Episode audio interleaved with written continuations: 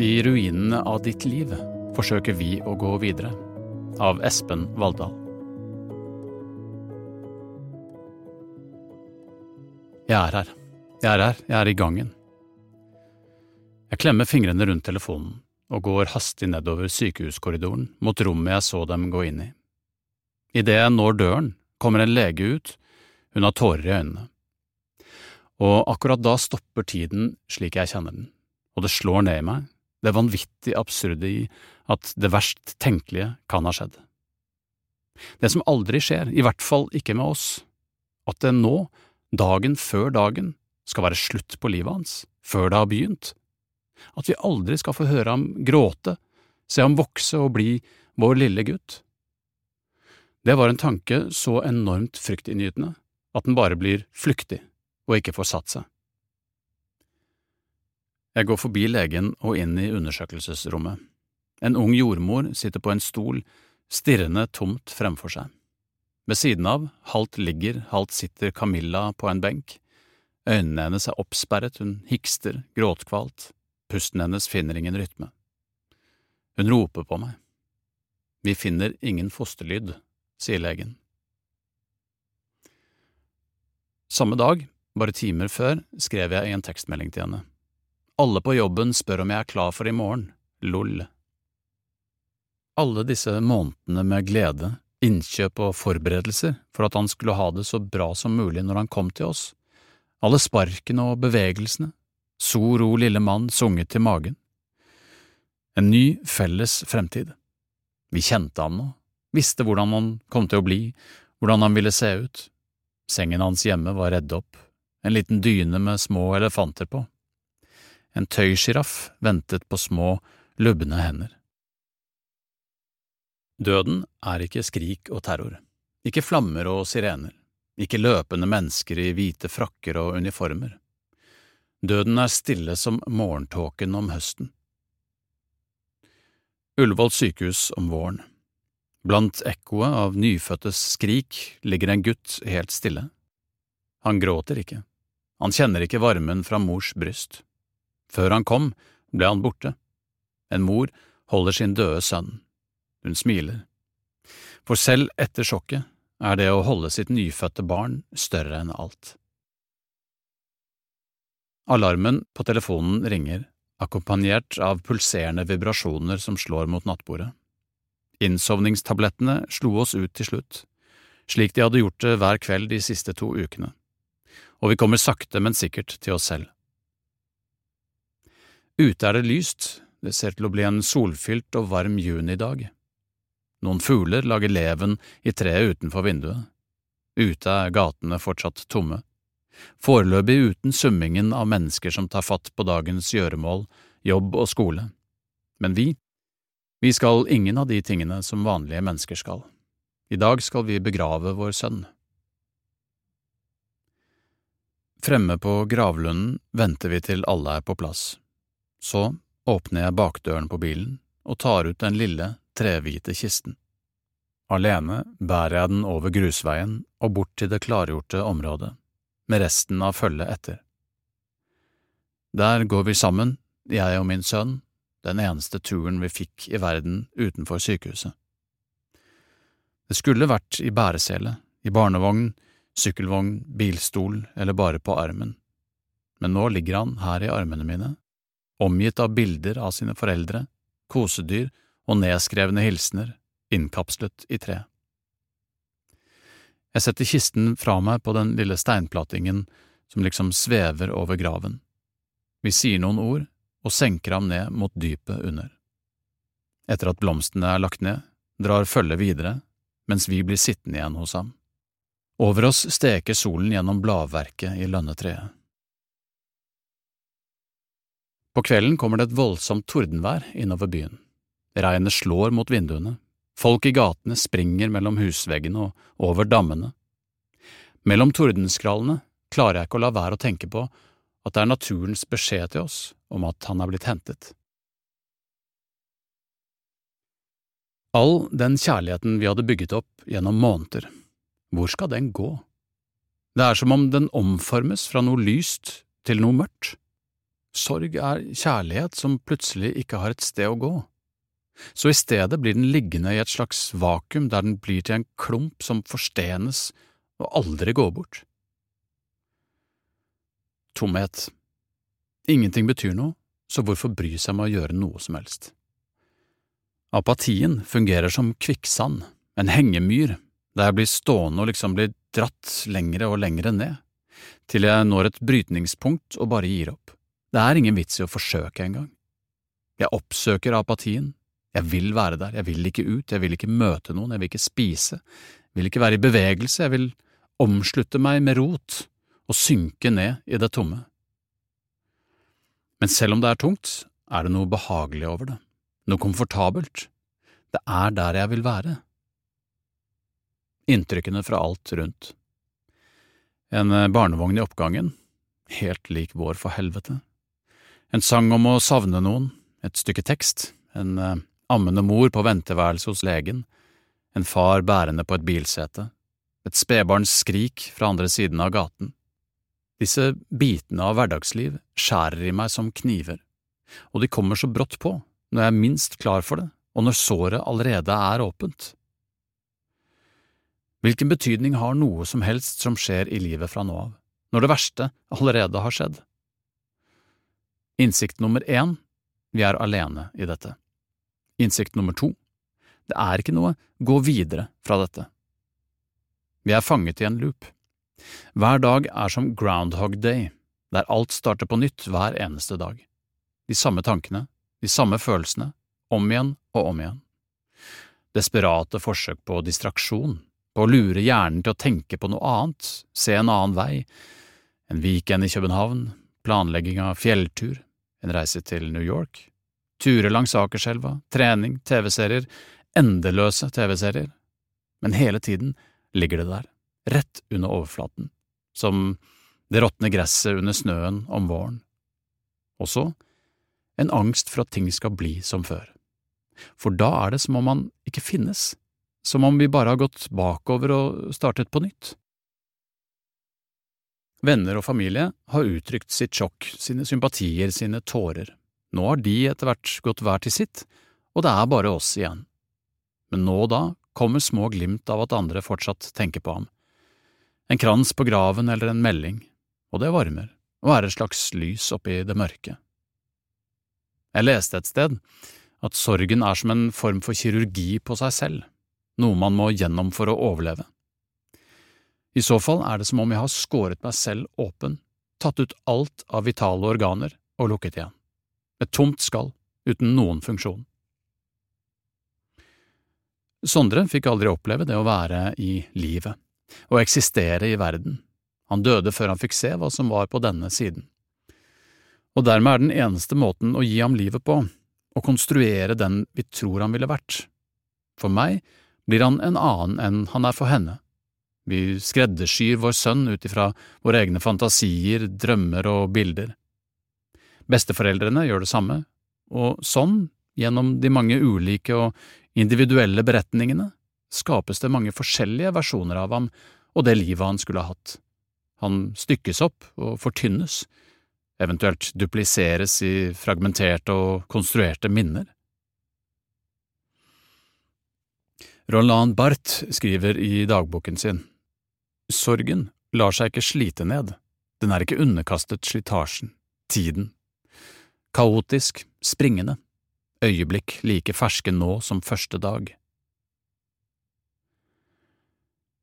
Blikket går som en maskin som forsøker å identifisere farlige situasjoner, overfladisk søkende for å unngå at det lander på en av dem, at det hviler på barnefoten med den gule sokken med bamsemotiv som stikker ut av vognen. De er overalt, i bæreselene, i vognene, løpende rundt. Jeg klarer ikke å unnslippe. Klarer ikke å slappe av med å forholde meg til det. Smilende par, stolte foreldre, slitne foreldre, overalt, uunngåelig. Jeg kjenner verden krympe rundt meg, klaustrofobisk, barn som skriker, uendelig høylytt. Det blir trangere, svette håndflater, må bort herfra, hjemover, bort fra dette, ut av byen. Jeg går med raske skritt, Jeg har latt håret og skjegget gro, begynt å bruke caps. Det er fortsatt sommer, så jeg kan komme unna med solbriller. Forsøker å gjemme meg i meg selv, være en annen, en som ikke kan gjenkjennes, konstant skannende mot folkemengden som passerer. Er det noen jeg kjenner? Løpende analyseres risikoen for å møte på noen bekjente. Det må unngås for enhver pris. Om jeg ser noen, late som om jeg er opptatt med telefonen, hodet ned, capsen trukket godt ned, andre klær. Orker ikke forholde meg til alle folka. De kommer ikke til å forstå. De skjønner ikke hvordan det er, de kan dra så jævlig til helvete alle sammen. Et plutselig behov for å flytte ut av byen. Slutten av juli. Vi får melding på telefonen om at nevøen vår er født. Broren min er blitt far. Jeg visste at den meldingen ville komme. Likevel knekker jeg sammen, knuses, blir til biter på gulvet og plukkes opp. Nå var han her, gutten deres. Ikke gutten vår, meldingen vi skulle ha sendt, bildet vi skulle ha vist frem, vekten og høyden vi skulle ha skrevet. Han var nøyaktig like stor. Jeg er blitt onkel, men klarer ikke å glede meg over det. Det går ikke, selv om jeg forsøker. Akkurat nå er det bare trist og sårt at det er deres gutt som er født og levende, og ikke vår. Jeg gråter, ikke av glede, og jeg hater meg selv for det. Jeg sender en gratulasjonsmelding. En måned senere tar vi mot til oss og drar for å møte den nye nevøen og foreldrene. Vi møtes langs elva og går en tur. Vi har følt oss litt tomme og kraftløse hele dagen, så vi tenkte at det var greit å bare få det overstått, som et plaster som må rives av. Vi var klare nå. Det føltes sånn. Kommer ikke til å bli noe mer klar neste uke eller uka etter det. Da de kommer trillende mot oss, er skjermen på vogna såpass langt nede at vi ikke kan se ham. Etter de nødvendige høflighetsfrasene og klemmene tar moren opp skjermen så vi kan se. Og der er han, det som skulle vært Sondres følgesvenn, søskenbarna han skulle vokse opp med og følge gjennom livet, som om de var brødre. Jeg leter umiddelbart etter tegn på om han ligner.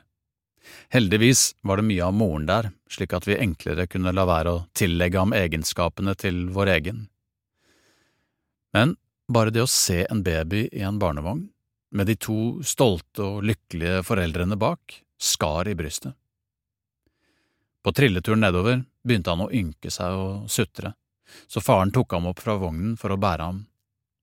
Å se min lillebror gå der, med den knøttlille kroppen i hendene sine, vuggende inntil brystet sitt, var hjerteskjærende. Alt jeg ville ha, var nå hans. Alt jeg var blitt frarøvet, gikk han med i sine hender som om gutten vår var blitt stjålet fra oss. Deres lykke føltes som et svik. Hele turen langs elva, blant alle de joggende, syklende, hundeluftende og barnevogntrillende menneskene, ble umiddelbart et slags speilbilde på alt som var fratatt oss, på den virkeligheten vi ikke skulle få oppleve. Etter at vi kom hjem, gråt vi i to dager. Å miste et barn fører ikke bare til en bunnløs sorg over selve tapet. Det fører til et fullstendig altomsluttende og gjennomgripende skifte i ditt indre følelsesliv, ditt verdensbilde, dine relasjoner og hvordan du griper an enhver situasjon i livet ditt. Det er et før og et etter, som om man i traume forflyttes til en parallell dimensjon, en slags opp-ned-verden, der alt som skjer i den virkelige verden, blir speilet med et annet resultat. Et slags helvete?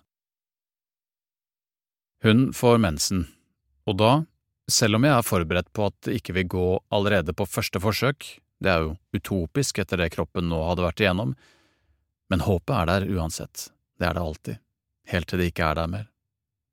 Da treffer det meg som et bakholdsangrep, videoen hun tok opp i september i fjor.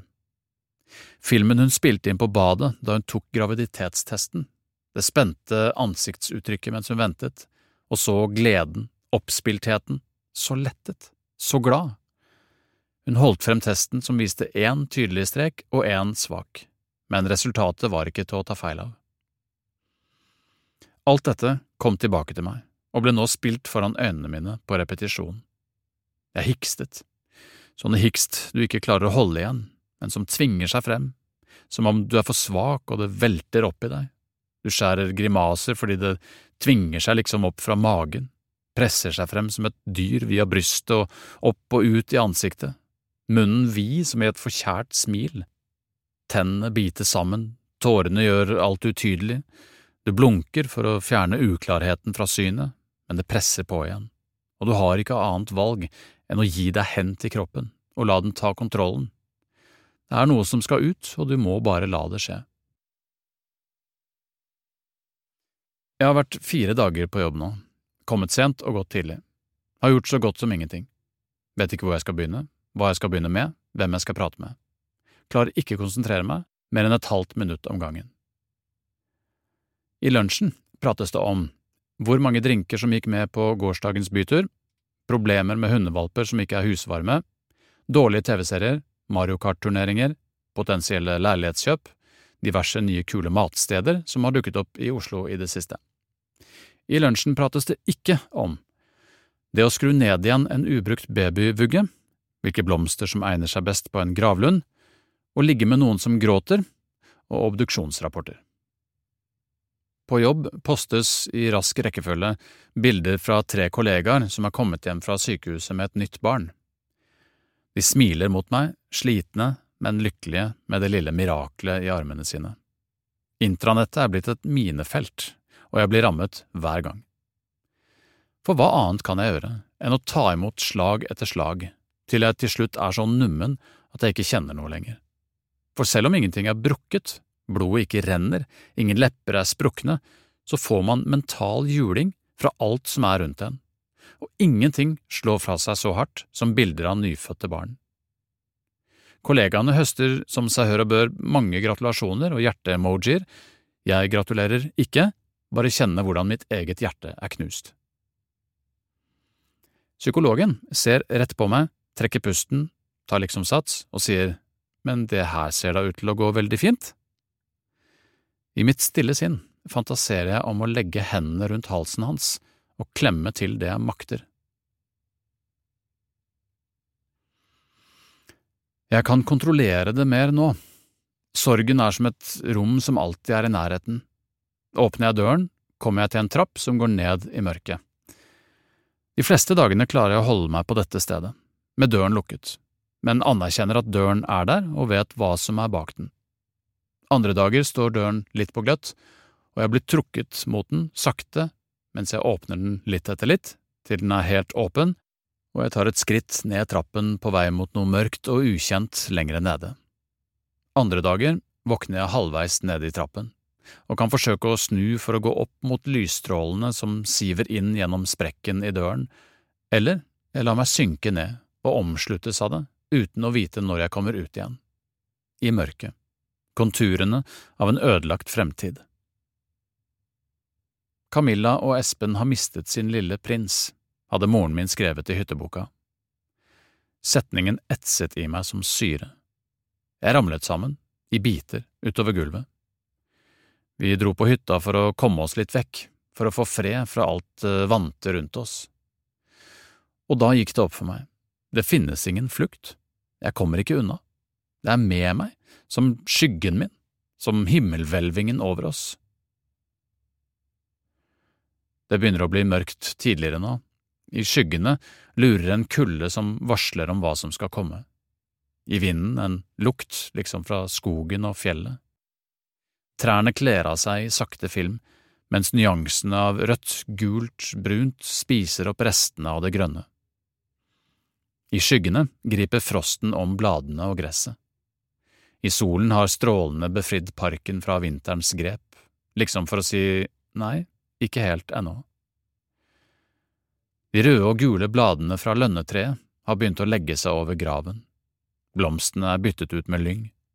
Lyset i lykten kommer mer til sin rett i det fremskynte mørket. En ny grav har dukket opp ved siden av. Skyggene fra gravstøttene strekker seg lengre nå, som om de prøver å komme seg bort. Inni meg står tiden stille. Det kommer tilbake til meg, i små glimt, begravelsen, hendene hans i hennes mens hun snakker til ham. Den lille gutten min med de myke hendene, hørte du oss når vi sang til deg? Sporene der tårene har rent, føles kalde og liksom klistret til huden. I ruinene av ditt liv forsøker vi å gå videre. Vi fomler etter en ny mening, men den er ikke innen rekkevidde, ennå. Ikke noe materielt klarer å fylle det meningsløse, kun et kort, kort øyeblikk, å holde det meningsløse på nok avstand til at man får rom til å trekke pusten, stabilisert seg, hentet seg inn, roet ned før man igjen blir trukket under vann. To blå streker på en liten hvit pinne, så svake at de så vidt skimtes og man ikke helt tror på det. Samtidig tennes en gnist, et svakt håp, som flammen før den får ordentlig tak i stearinen, og med ett hentes bildene frem igjen fra det innerste kammerset, de jeg ikke har turt å ta frem siden forrige gang. Bildene av en familie, lekende på gulvet i stuen, løpende rundt i hagen, leiende på fortauet, grisene ved middagsbordet, gråtende i sengen, alle disse tingene som allerede var ferdigdrømt, men som ble mistet i gulvet slik at de knustes til støv, feid opp og gjemt bakerst i sjelen, de gjenoppstår nå. Jeg drister meg til å fremkalle dem på nytt, fordi man trenger det.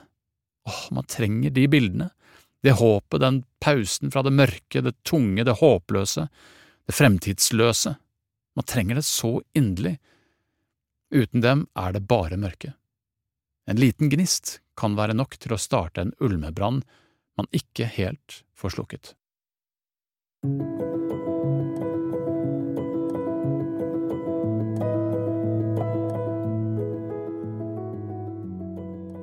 Når eh, noe sånt skjer, som det å miste et uh, ufødt barn, så er det naturlig at fokuset fra omverdenen retter seg mot uh, mammaen.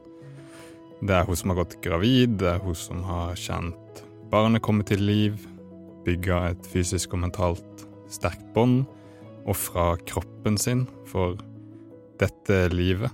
Um, far har gjerne en mer sekundær rolle i det hele. Men det var viktig for meg da jeg skrev den teksten, å vise at også far har bygga det båndet her. At også far sin verden rives i stykker. Man har jo sammen skapt denne framtidige familien og bygger visjonen om dette nye livet sammen. Um, og ville få frem at sorgen er like sterk for pappa. Uh, at sinne og frustrasjon er like omfattende, og at man er like ødelagt og knust. Um, rett og slett hvor brutal og rå sorgen er også for far. Mange pappaer inntar en sånn praktisk og funksjonell rolle i en sånn situasjon. Kanskje som en slags overlevelsesmekanisme, men jeg tror det er viktig at man også tør å la seg rive ned av sorgen, at man tør å la seg ødelegge og være dysfunksjonell, og at man står i det mørke sammen med partneren sin. Det tror jeg gjør at man kommer ut av det enda sterkere.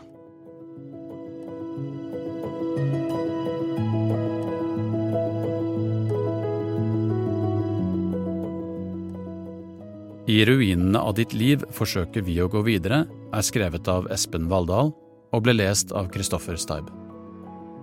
Podkasten er utgitt av Landsforeningen uventet barnedød med støtte fra Stiftelsen DAM. Produsert av Nitro.